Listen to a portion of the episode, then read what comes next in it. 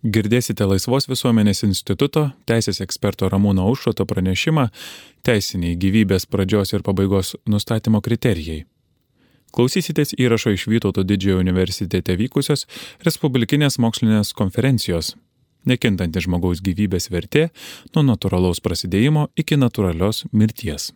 Dabar kviesime Laisvos visuomenės instituto teisės ekspertą Ramūną Aušrotą dar truputį kalbėti apie teisinius gyvybės pradžios ir pabaigos nustatymo kriterijus.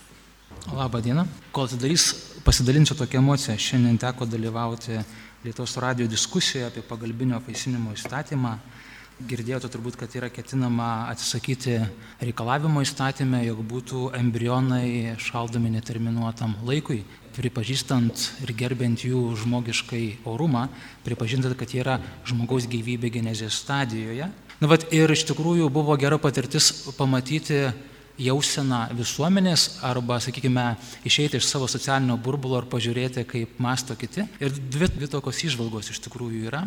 Tai pirma išvalga yra tai, kad, na, aš nustebau, kai iš tų žmonių, kurie skambino, ten daugiausiai vyresnio amžiaus buvo, koks yra žinių trūkumas apie tai, kaip prasideda gyvybė. Jeigu vyresnio amžiaus žmogus paskambina ir bando gyvybės pradimą lyginti su masturbacija, tai supranti, kad, na, lytinė lastelė ir apvaišinta kiausialastė nėra tas pats dalykas, bet elementarių dalykų žmonės nežino.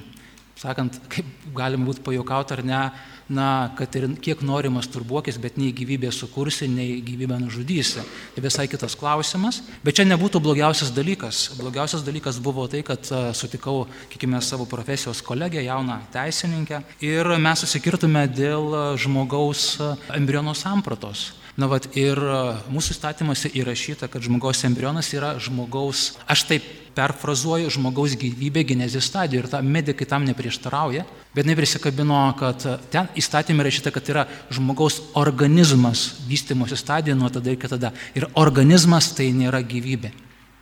Tai parodykit man organizmą, kuris nebūtų gyvybė. Na, bet moteris buvo labai užsispyrus ir sakė, kad ne, nu, nepaisant to, kad lietuvių kalbos žodynas visgi sako, kad yra sinonimai. Ir iš tikrųjų pagalvojau, kad, na, iš tikrųjų yra labai liūdna, kada specializacija, kad ir teisės specializacija tampa labai siaurų objektų.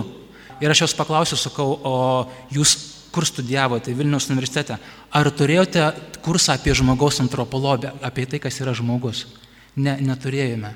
Taigi, reiškia, siauras požiūris į žmogų, jisai tada žmogų automatiškai redukuoja ir dėl to yra priimami sprendimai, kurie, na, iš tikrųjų, na, redukciniai ir negerbintys žmogaus gyvybės. Tai sakyčiau, kalbant apie žmogaus gyvybės klausimo, tas multidimensinis žinojimas, multiprofilinis žinojimas, žinojimas tiek etikos, tiek teisės, tiek ir moralės, tiek ir antropologijos, netgi religijų pažinojimas mokymo yra labai svarbus, kad suprastum, kas tai yra.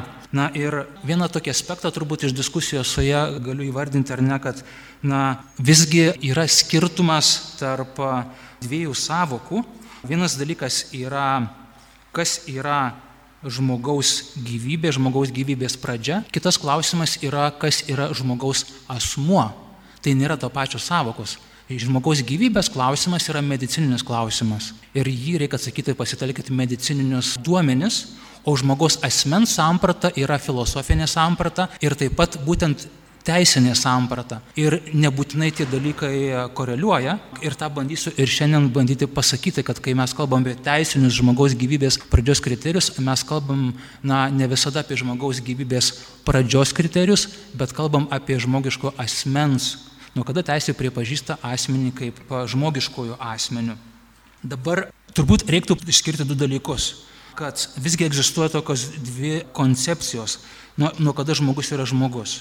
Ir viena koncepcija yra, kad žmogus yra žmogus nuo gimimo, iš esmės, taip radikaliai pasakius. Ir iš esmės teisiniai kriterijai, kurie valstybės yra taikomi, daugumoje iš, iš esmės kalba apie žmogų kaip žmogų, kaip gimusi žmogų.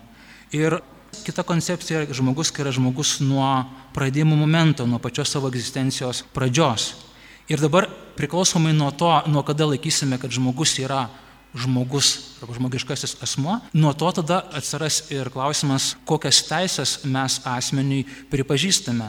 Nes teisė būtent žmogiškam asmeniui suteikia tam tikras teisės, iš esmės nediferencijuoja. Jeigu tai yra žmogiškas asmo, tai jisai turi visas teisės, o ne tik jų dalį arba, arba tik selektyviai kažką tai iš jų. Tačiau e, iš esmės teisė, kuri atsirado turbūt su Napoleono kodeksu, ir turbūt yra apšvietos rezultatas, kada žmogaus buvo iš tikrųjų susiaurintas iki žmogaus nuo žmogaus gimimo ir išreikštas tokiam savokom kaip teisnumas ir veiksnumas.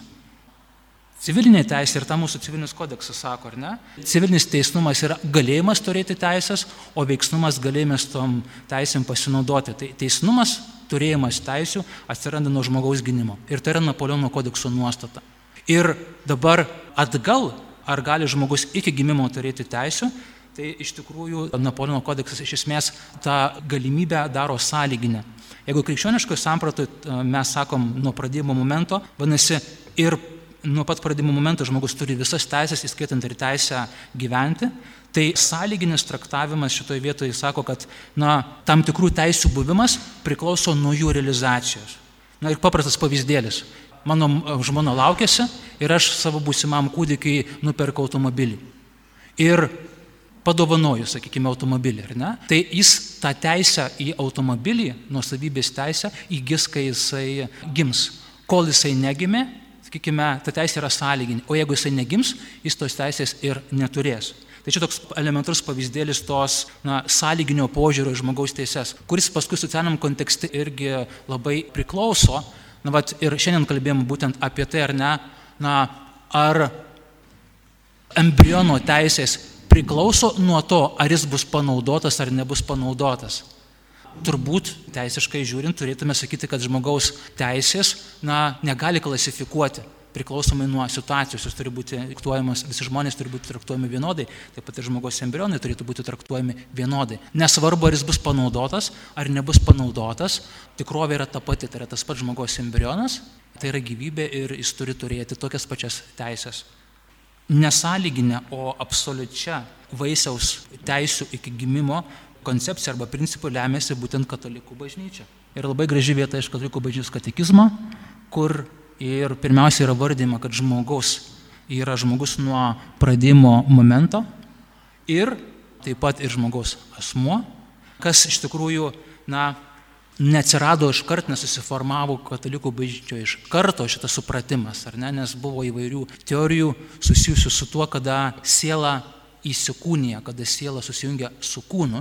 Moderni teologija, kuri jau nežiūri žmogų dualistiškai, kad tai nėra siela ar kūnas, ir nekelia klausimo, kada siela, kaip sakant, į kūną įeina, bet žiūri į žmogų kaip kūno ir sielos vienovę, kaip neatskiriamus dalykus, šitą klausimą jau dabar automatiškai sprendžia ir tos problematikos kaip ir nepalieka, bet mūsų tėvams iš tikrųjų buvo truputėlį problematiška ir jie vadovavosi, sakykime, tokia ir daug, reiškia, ėmėsi tam tikrų aspektų ir taip pat iš žydiško supratimo ir taip pat iš graikiško mąstymo apie tai, kas yra žmogus ir kokia yra žmogaus gyvybės pradžia ir žmogaus žmogaus asmens pradžia. Dabar, remiantis šitą koncepciją, turbūt, pagryšiu truputėlį atgal, būtent todėl, sakykime, mes turėjome mūsų įstatymą, vaiko teisų saugos pagrindų įstatymę, įtvirtinta iš esmės vaiko teisų konvencijos nuostata. Tai buvo tas dokumentas iki šiol yra mūsų teisinės sistemos dalis, vienintelis teisės aktas, kuris akivaizdžiai suteikia tam tikras teisės žmogui iki gimimo. Vaiko teisės konvencijoje tai buvo šitą preambulėje, bet 95 metais, kai buvo priminėmas vaiko teisų apsaugos pagrindų įstatymas, tuometiniai konservatoriai ir tada už tai reikėjo jiems padėkoti, jie įrašė, kad kiekvienam vaikui, tiek iki gimimo, tiek ir jo, turi būti garantuota galimybė būti sveikam, normaliai vystytis fiziškai bei praktiškai. Iš esmės tai reiškia, jis turi tam tikras teisės. Ir man tikrai labai liūdna, kad 18 metais, kai buvo pakeistas vaiko teisų apsaugos pagrindų įstatymas, Lino Kokoraičio vadovaujama ministerija visgi nedėjo pastangų, kad šita nuostata išliktų ir jinai buvo panaikinta. Pereisiu prie esmės, žmogaus asmens pradžia Na ir kaip minėjau, žmogaus gyvybė yra vienas aspektas, kada prasideda, kitas aspektas, kada žmogaus asmuo. Ir filosofai iš tikrųjų tą klausimą nagrinėjo. Ir šitą yra pagrindinė susijęs su Aristoteliu, kuris laikė, aiškiai, pirmiausia sakė, kad na, žmogaus siela irgi vystosi, ir yra laipsniškos sielos vystimosi teorija. Vegetacinė siela, gyvulinė siela, ta protingoji siela. Ir kada siela išsivysto į protingąją stadiją ir susijungia su kūnu, tada yra vat, žmogaus asmens pradžia. Tuo sekė taip pat kai, ir kai kurie bažnyčios e, atstovai. Kvinitis Augustinas visgi kalbėjo irgi apie tai, truputį transformavę Aristotelio teoriją, jie kalbėjo apie tai, kad siela yra animuojama. Ir tai buvo apie 40 dienų po vaisinimo.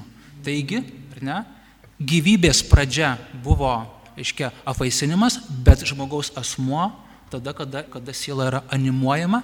Nepaisant to, katalikų bažnyčia visada sakė, nepriklausomai nuo to, kurioj žmogaus vystimosi stadijoje abortas yra blogis, tai yra moralinis blogis. Bet skiria, truputį skiria žmogaus gyvybės pradžią ir žmogaus asmens pradžią. Reikia pripažinti, vieni iš bažnyčios tėvų taip pat sakė, Beros Tertulionas, kad kai kūdikis pirmą kartą įkvėpia oro. Iš esmės šita samprata ir radikaliai pervertė į kitą pusę, vadovaujasi ir kai kurie šio laikiniai netgi, netgi krikščionys jie grindžia tuo, kodėl galimas vaisiaus, reiškia, neštumo nutraukimas iki pat gimimo, na, todėl, kad pažodžiu žiūrint, kūdikis pirmą kartą įkvėpia oro tik tais, kada gimsta, tampa gyvas, tampa asmeniu. Įsime vėliau, kaip galima transformuoti šitą dalyką. Dabar žmogaus asmens pradžia. Teisiniai kriterijai iš esmės remiasi į mediciną, ir yra tokie, sakykime, yra šeši. Tai pirmiausia, apvaisinimas, žmogaus gyvybės pradžia prasideda, kai vyro ir moters lytinės lastelės susijungia. Kitas kriterijus tai yra implantacija. Ne visos susijungusios lastelės na, implantuojasi, kai kurios pasitraukia. Mūsų bičiuliai protestantai labai dažnai šitą implantacijos argumentą naudoja kaip argumentą, kodėl yra galimas, kiekime, ta vadinamoji morning pill, piliulė po lytinių santykių. Nes dar nepraėjęs tos kelios dienos, septynios dienos berots, kada vyksta implantacija. Bet yra labai įdomus implantacijos pagrindimas teisinis. Kodėl implantacija yra žmogaus gyvybė, reiškia žmogaus asmens pradžia. Tariant, kai implantuojasi lastocitą į moters gimdą, ar ne, atsiranda tam tikri mainai, ar ne, pradeda gauti iš moters deguonį. Ir tas gavimas iš motinos degonės, kai kurių protestantų teologų yra traktuojamas va ta pradžios eilute. Gyvybės alsavimas atsiranda, nes gyvybė yra, mes kvepuojame būtent degonėmi, taigi kai plastocitas įsitvirtina gimdoje ir gauna degonį, jinai pradeda kvepuoti. Ir tai yra gyvybės pradžia. Toks labai gražus bičiulių protestantų aiškinimas gyvybės pradžios.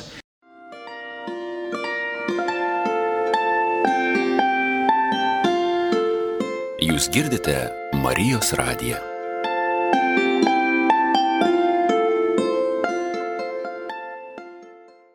Kitas kriterijus yra segmentacija arba atsiskirimas. Žinote, mano zigotiniai dvyniai, ar ne, kurie na, susijungia, pasidalina ir po 14 dienų.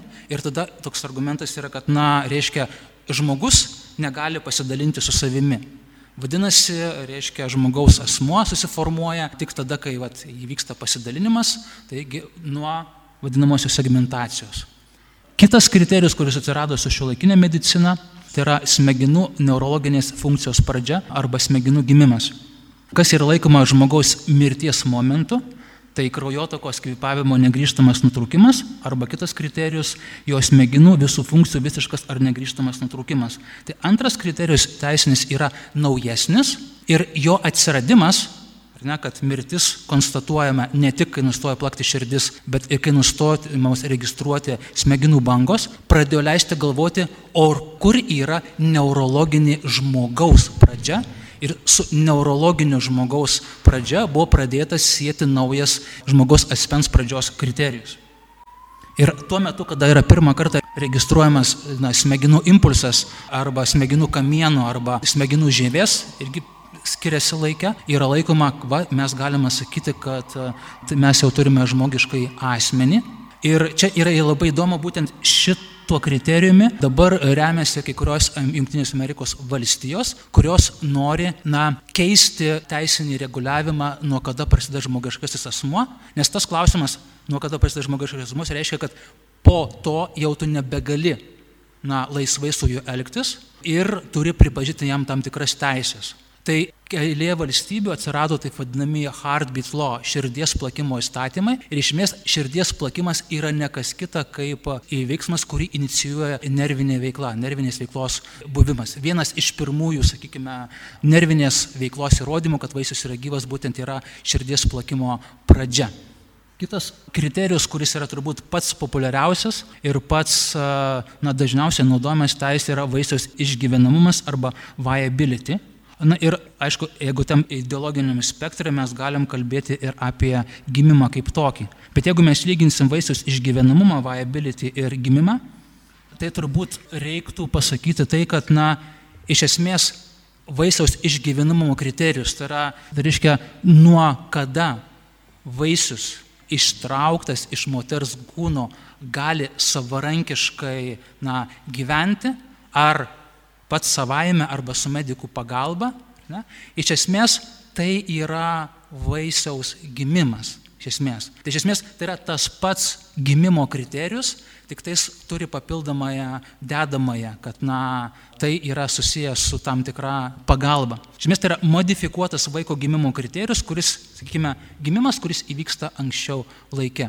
Bet jeigu vaikas negali išgyventi, ar ne, tai tada yra netiestas tas laiko momentas, tada na, yra visai kitos žaidimo taisyklės.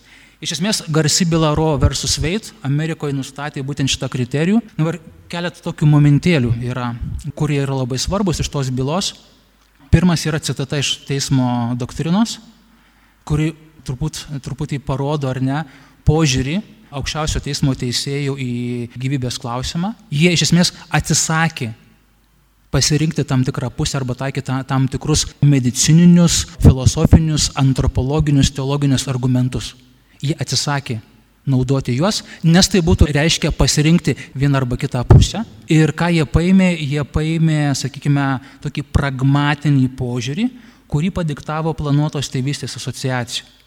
Jį galima vadinti, sakykime, tam tikrų balansų, nors, na, kalbant apie žmogaus gyvybę, didelis klausimas kyla, ar čia mes galim kalbėti apie kažkokį tai balansą, kai vienu atveju, na, šimtų procentų garantuojant, sakykime, moters teises, kitu atveju vaisius yra sunaikinamas. Tai atvirkščiai, jeigu yra situacija, tai taip neįvyksta. Na, vat ir logika planuotas asociacijos buvo labai paprasta.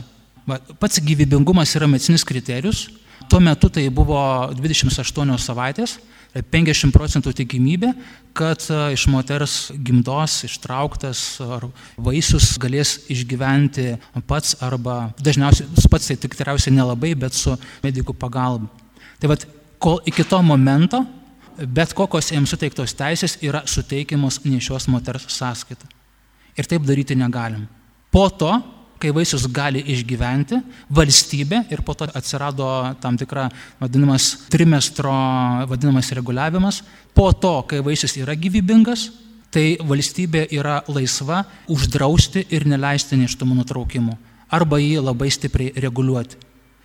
Iki tol, kol vaisius nėra gyvybingas, valstybė Pirminis tekstas variantas buvo, kad negali reguliuoti, po to buvo šiek tiek modifikuota eilėje bylų šitas e, reikalavimas, nes vis tiek per teismus buvo bandoma šitą vaisiaus išgyvenimo kriterijų ginčyti, riboti, švelninti ir taip toliau. Tai vad, vaisiaus gyvybingumas kaip pagrindinis turbūt e, teisinis kriterijus, kuris yra taikomas Amerikoje ir taip pat juo remiamas ir eilė Europos valstybių. Čia jūs matote va, tą momentą išgyvenamumo. Na dabar dėl šiolaikinės medicinos jisai truputį pasistumė iki 21-22 savaičių, tai e, to antrojo trimestro antrąją pusę. Bet klausimas turbūt būtų, kaip skirtingose valstybėse pavyksta, na, sakykime, skirtingose valstybėse priklausomai nuo medicinos lygio skirtingai, na, tas išgyvenamumo momentas yra konstatuojamas arba, arba matomas.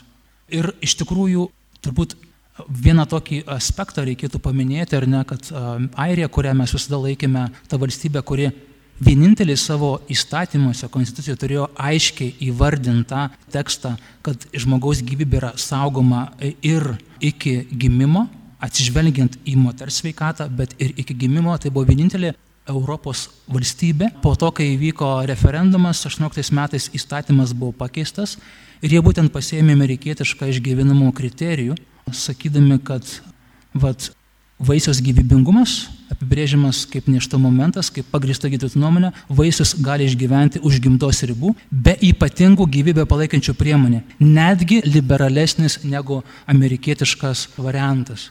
Puikiai galite suprasti, kad 21-22 amžiaus vaisius jisai negali dar išgyventi, realiai nuo 28-9 savaitės gali išgyventi.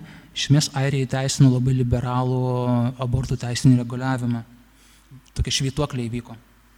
Keli bandymai apriboti, aš gal tik įvardinsiu labai trumpai, kokiu būdu bandoma šitą pastumti, sakykime taip, arba apriboti šito kriterijaus taikymą. Tai tokias turbūt trims priemonėm. Pirmiausia, nustatyti naują kriterijų, kada žmogaus asmo prasideda anksčiau ir tai yra vadinamieji širdies plakimo įstatymai, kad žmogaus asmo yra nuo širdies plakimo pradžios.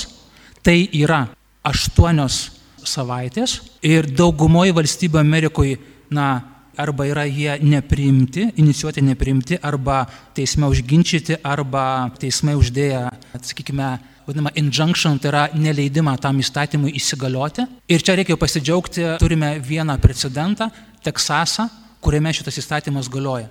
Ir ką jie padarė? kad niekas negalėjo padaryti, nu, nuginčyti valstijos lygmenio šito įstatymo įsigaliojimo. Paprastas dalykas. Jie pasakė, mes nenustatome valstybei pareigos traktuoti, kad žmogus asmo prasideda nuo gyvybės pradžios, bet mes suteikiam galimybę bet kuriam asmeniui teisme ginčyti žmogus asmens pradžią.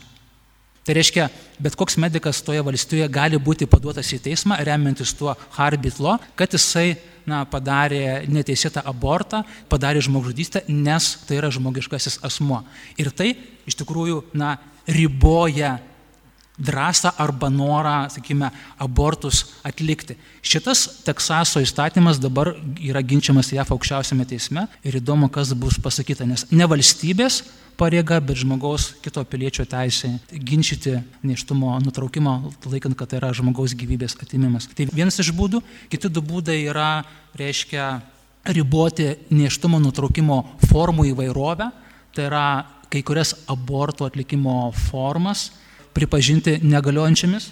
Ir čia yra įvykusio dalinio gimdymo aborto draudimas. Nekomentuosiu labai plačiai, bet mintis yra ta, kad tam tikrais atvejais kai yra žūsta arba yra naudojama tam tikrą aborto tikslu, reikia ištraukti kūdikį iš moters gimdos. Ir šitas įsakymas sako, jeigu ištraukiama galvutė išeina arba iki kūno dalies, iki bambos, tada yra laikoma, kad yra įvykęs dalinis gimdymas. Ir kadangi įvykęs darinis gimdymas, tai jau yra gimęs vaikas ir dėl to negalima jau jo sunaikinti. Pas mus gimimas suprantamas, kai viso vaisiaus pasirodymas. Šitoj vietoj, ką jie padarė, pasakė, dalinios vaisiaus pasirodymas užtenka, kad mes laikytume, kad vaikas jau gimė. Tai gudri technika.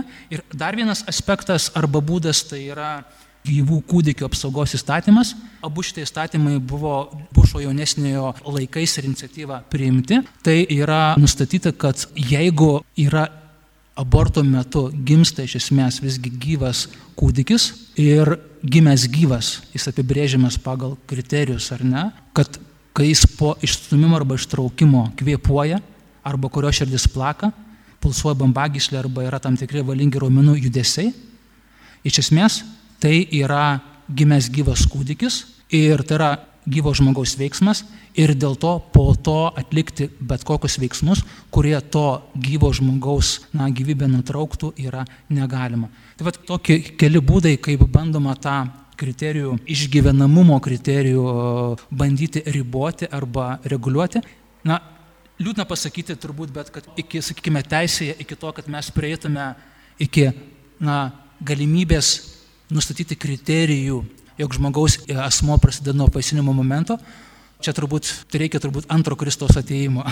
Na, tikrai nelabai turbūt yra įmanoma, bet man norisi pabaigti su kažkuo tai viltingu būdu, viltingu aspektu, tai tas aspektas būtų toksai. Na, galima kovoti su neštumo nutraukimu, arba galima pasirinkti kitą būdą, sudaryti sąlygas, kad neštumo nutraukimų būtų kuo mažiau, kad moteris reiktų įsigimdyti. Ir labai gražus pavyzdėlis Vengrijos socialinė politika, kuri davė netikėtą rezultatą. Na, dėl socialinės politikos, ko jie neprognozavo, per 10 metų pas juos 40 procentų sumažėjo abortų. Tai tik parodo, kad socialinis ekonominis kontekstas, kuriame gyvena moteris, yra labai stiprus faktorius, lemiantis moters apsisprendimą turėti kūdikį arba jo neturėti. Tai šitą kryptim turbūt ir palinkėsiu mūsų įstatymų leidėjams ir eiti ir tą dalyką investuoti. Ačiū. Girdėjote Laisvos visuomenės instituto teisės eksperto Ramūno Aušroto pranešimą Teisiniai gyvybės pradžios ir pabaigos nustatymo kriterijai. Klausėtės įrašo iš Vytauto didžiojo universitete vykusios Respublikinės mokslinės konferencijos Nekintanti žmogaus gyvybės vertė nuo natūralaus prasidėjimo iki natūralios mirties.